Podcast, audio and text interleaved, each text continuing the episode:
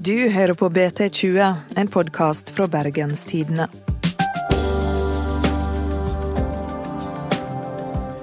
Hva som skjedde med Trine Fransen er en av de største kriminalgåtene i Norge. For 15 år siden forsvant hun sporløst fra en fest. Hvor hun ble av, er fremdeles et mysterium. Nå har nye spor ført til at en leter etter henne i gamle graver på Øvstun gravplass. Kan vi endelig få et svar på hva som skjedde natta hun forsvant? Mitt navn er Ingvild Nave.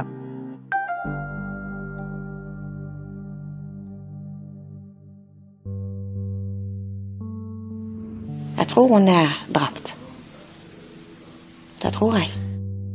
Vi har jo veldig lyst til å finne Trine Bate og få gravlagt henne. Der er en gjerningsmann ute i Bergen som går løs. Som har drept Trine Bate. Familien til Trine Fransen har opplevd et mareritt. Natt til 7. mai 2004 forsvinner hun, nesten uten et spor. De har siden starten meint at noen tok livet av henne. Men 15 år seinere har de fremdeles ikke fått svar på hvor hun ble av, eller hva som skjedde. Det er jo en sak som er et mysterium i ordets aller retteste forstand. Og den har fulgt oss eh, lenge. Ørjan Thorheim er krimjournalist i Bergens Tidende. Det er jo et stykke etter hvert eh, snart 15 år gammel kriminalhistorie, og en sak som gjentatte ganger har kommet i søkelyset igjen i media og gjennom politiet og utspill fra de. Hvem var Trine Fransen? Trine Fransen var en eh, kvinne som eh, bodde på Os, rusavhengig. Det er vel rett å si at hun var del av et belastet rusmiljø. Så vidt jeg husker var hun 31 år da hun forsvant. var like før hun skulle fylt 32. Hun hadde en sønn på den tiden, så da var 12-13 år. Og en samboer som hun traff på en rusinstitusjon på Askøy noen år tidligere. Natt til 7. mai i 2004 så går det gale for Trine. Hva er det som vi veit skjedde den kvelden? Ja, politiet har eh, sagt eh, noe om det, og media har omtalt noe. Eh, det man mener å vite, er at dette var en fest der Trine og samboeren var på besøk hos en blind venn i Øvstunveien, i nærheten av kapellet på Øvstun gravplass. Der skal det ha vært seks-syv rusavhengige samlet i dette ganske karakteristiske hybelhuset som mange nok har sett bilde av. Et stort, hvitt murbygg. Har vi noe peiling på hva som skjedde mellom hun var på den festen og når hun forsvant? Det er selvfølgelig en haug med vitneutsagn og teorier og en, vi må vel kunne si, ganske stor rykteflom som preger noe av informasjonen i saken, som politiet har måttet jobbe med å sile. Um, mobildata hadde jo vært gull om man hadde, men uh, verken Trines mobil eller samboerens var det mulig å få noe ut av, for uh, politiet spurte for seint. Så det er mange teorier, men ingen fasit? Det tror jeg vi må kunne si. Trine blir jo da borte fra denne festen.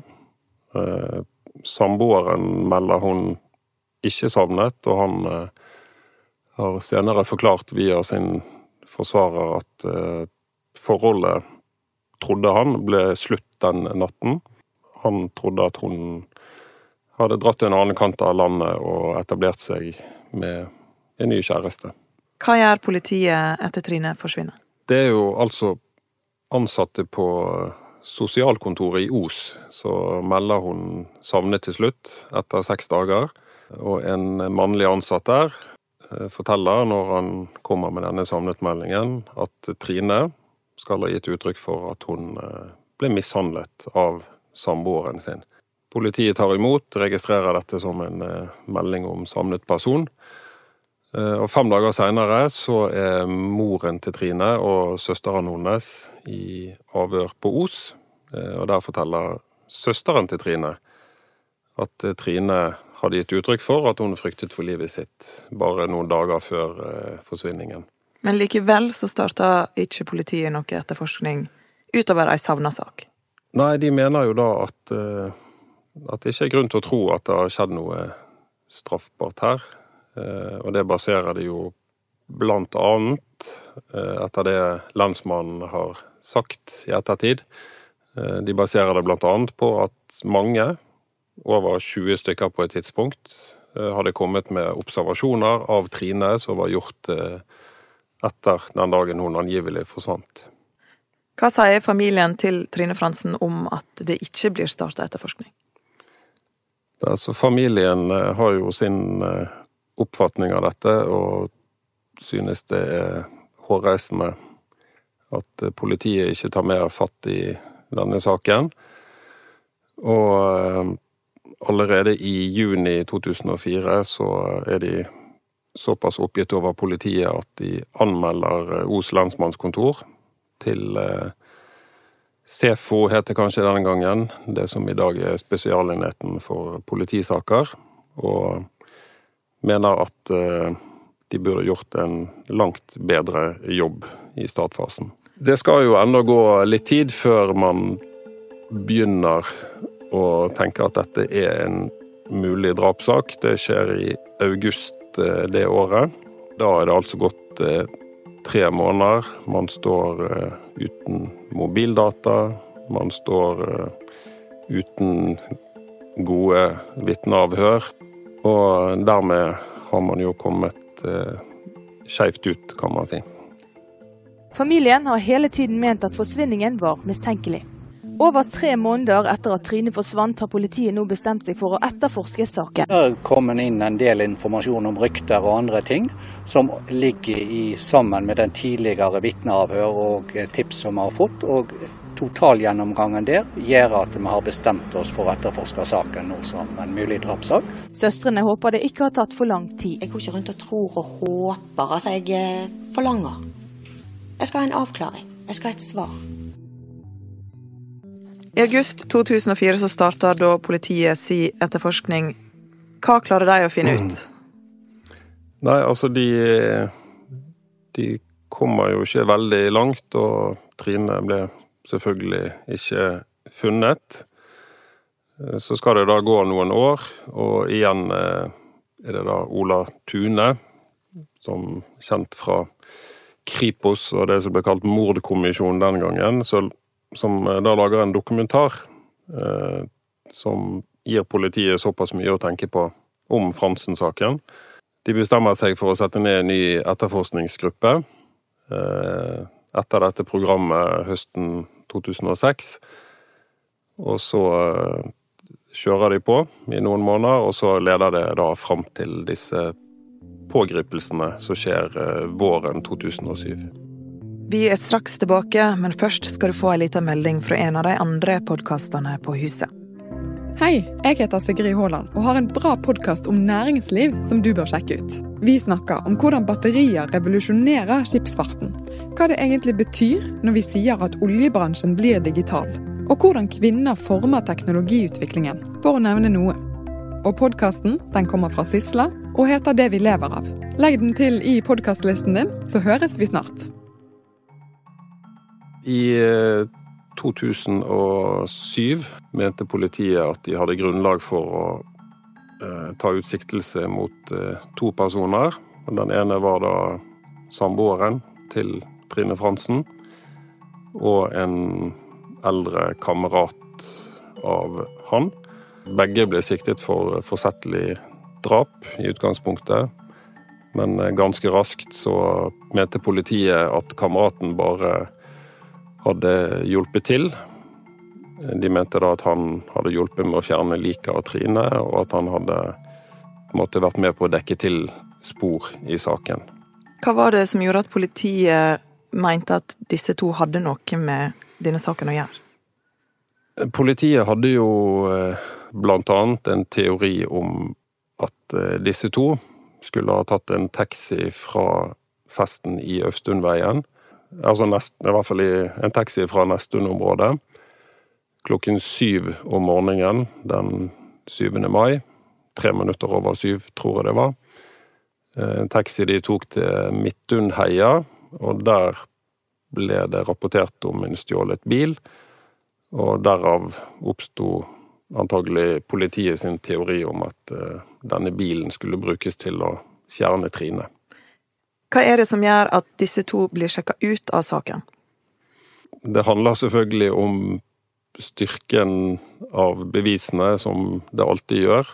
Altså Utsjekkingen kommer jo da når saken til slutt havner hos Riksadvokaten. Altså drapssaker skal jo alltid opp på høyeste nivå, og det er Riksadvokaten. Og i 2008 så slår de fast at uh, saken må henlegges. Og det betyr jo i praksis at bevisene ikke er gode nok. Selv om saken mot samboeren til Trine blir henlagt, er familien overbevist om at hun ikke forsvant av seg sjøl. Vi vet at uh, Trine hadde aldri stukket hjemmefra uten å gi beskjed. Og hun hadde ikke tatt livet sitt, uh, for hun elsket jo livet. Til tross for dårlig politiarbeid like etter at Trine forsvant, har familien til Trine etter hvert fått stor tillit til politiet. De tror fortsatt at det avgjørende tipset vil komme, og at politiet da løser saken. Hvis vi må vente i tre måneder eller ett år eller ti år, så, så venter vi.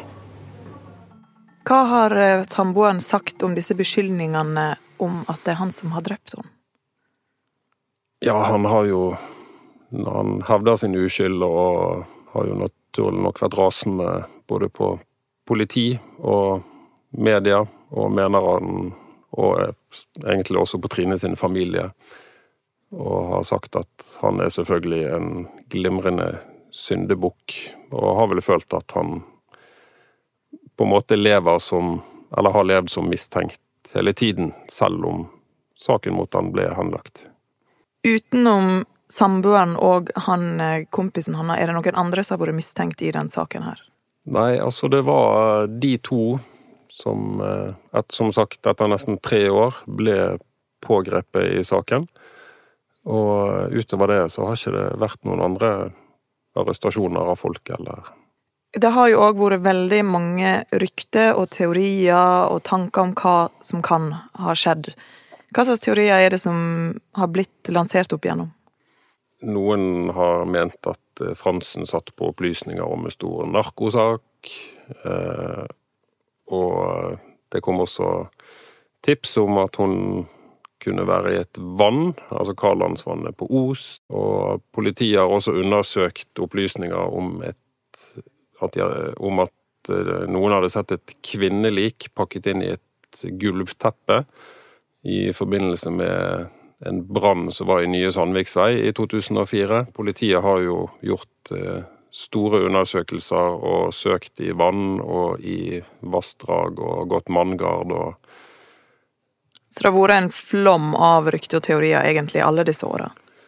Ja, flere hundre eh, vitneavhør, og folk i rusmiljøet, sier politiet sjøl, har vært veldig opptatt av saken. Altså, De har ment at hun kan ikke bare forsvinne på denne måten. Så de har kommet eh, uoppfordret til politiet med det de mener å vite. I 2014 er det gått hele ti år siden Trine forsvant. Fremdeles sto politiet uten spor som kunne løse saka, til familien sin store fortvilelse. Dette sa mora og sønnen til Trine Fransen i 2014. Hver gang det har vært en leteaksjon, så har jeg sagt til meg sjøl nå på slutten at jeg ikke har noen forhåpninger. Og så kommer de og sier at nei, det var resultatløst. Da går du litt ned kjelleren igjen. Du gjør det. Og du må, i hvert fall jeg, må bruke et par dager på å komme meg opp igjen. Det viktigste er å få funnet henne og få en avslutning på, på saken. Og få en grav å gå til. Det er det jeg håper mest på. få svar.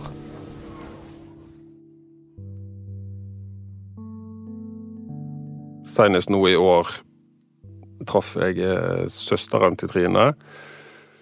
Eh, og hun fortalte at nå må det vel bli en slutt på dette. Eh, hun holder da for øvrig på å skrive en bok som antagelig vil gi et godt og utfyllende bilde av hvordan familien har hatt det. Men vi kan vel trygt si at de har hatt det veldig, veldig tungt. For de har jo fått håpet sitt bygd opp gang på gang, for en har lett etter Trine mange ganger og så finner en henne liksom aldri. Ja, og det er jo nesten, nesten utrolig hvordan de De må være veldig sterke, for som du sier, gjentatte ganger så blåses det liv i håpet. Eh, saken ble tatt opp igjen bl.a. i 2012, og den ble tatt opp igjen nå i år senest, og i fjor vår kom det et utspill om at nå hadde politiet nye opplysninger, og gang på gang står familien rett i ryggen og med tro i blikket, samtidig som de da må understreke at eh, det har vært så mye nå at eh, vi er ikke for optimistiske. Det lages jo da eh, enda en TV-dokumentar eller serie som blir sendt på kanalen Max. Et program som heter Insider. Det var vel tre episoder. Der lanseres det nye teorier av en programleder som har jobbet ganske intenst med denne saken over lang tid. Og en av teoriene er da at Trine kan ha blitt drept med en såkalt Judas-dose. Hva er det for noe? Det vil jo da si at eh, noen får narkotika i en person for å få det til å se ut som et overdosedødsfall. Altså at du har tatt en overdose med et uhell sjøl, mens noen egentlig så er det noen andre som har satt den? Ja. Det er jo ganske åpenbart at, uh, at uh, insider har samarbeidet ganske tett med politiet. Uh, for det ender jo da med at man vil gjennomsøke en gravplass i nærheten av Nesttun i Bergen. Selvfølgelig da på Øvstun. Vi har da besluttet å søke på denne gravplassen med noe som heter georadar. Eh, det er med bakgrunn i en etterforskning vi har hatt gående nå i tre kvart år i denne Trine Fransen-saken. Og Vi har da eh, pekt oss ut eh, tolv graver som kan være aktuelle i, i så måte. Kan du si kort hva som kjennetegner de gravene, hvorfor de er valgt ut? Ja, disse er valgt ut fordi at de var åpne og de var ferske rundt savnet tidspunktet i mai 2004. Hvorfor trodde de at Trine Fransen kunne være i en av de tolv gravene på Øfstun gravplass? Ja, det er jo en teori som både Ola Tune i sin tid mente ikke var direkte usannsynlig, at Trine var eh, kunne ha blitt plassert i en grav, rett og slett. Som da enten var åpen eller nylig hadde vært åpnet. Eh, og det kom Dette ble jo gjentatt også i Insider, at Trine ble fraktet til det går en elv forbi gravplassen der. At hun skulle ha ligget på en liten steinhylle der en stund. Og at hun så da skal ha blitt plassert i en grav. Det som pågår denne uken, eller har pågått, det er jo at eh, de prøver med sterkere og bedre utstyr for å få bedre bilder av hva som kan være nedi bakken der. For disse instrumentene som de bruker på gravplassen nå, de viser om de ligger i gjenstander under jorda, og hvor dypt de ligger? Ja, sånn har jeg forstått det. Og noe av det som jo kom ut, var at eh, politiet mente å ha funnet noe som de burde undersøke nærmere, ganske grunt nede i bakken. Tror du det er sjanse for å finne henne? Det er vel, som en politimann sa en gang, at eh, hun er jo der et sted. Og nå har politiet tydeligvis en viss tro på denne gravplassteorien, og så kommer det kanskje et svar ganske kjapt når de tar stilling til om de skal åpne en grav eh, eller ikke. Hvor viktig ville det vært å fått et endelig svar på hva som faktisk skjedde med Trine Fransen? Det tenker jeg jo må være utrolig viktig i, i alle henseende. Ikke først og fremst for politiet, selv om det er de som må gjøre jobben, men eh, Det er en familie her som per nå har en tom grav i Fyllingsdalen med gravstøtte på. De er selvfølgelig veldig klar over at eh, det ligger ingen Trine der.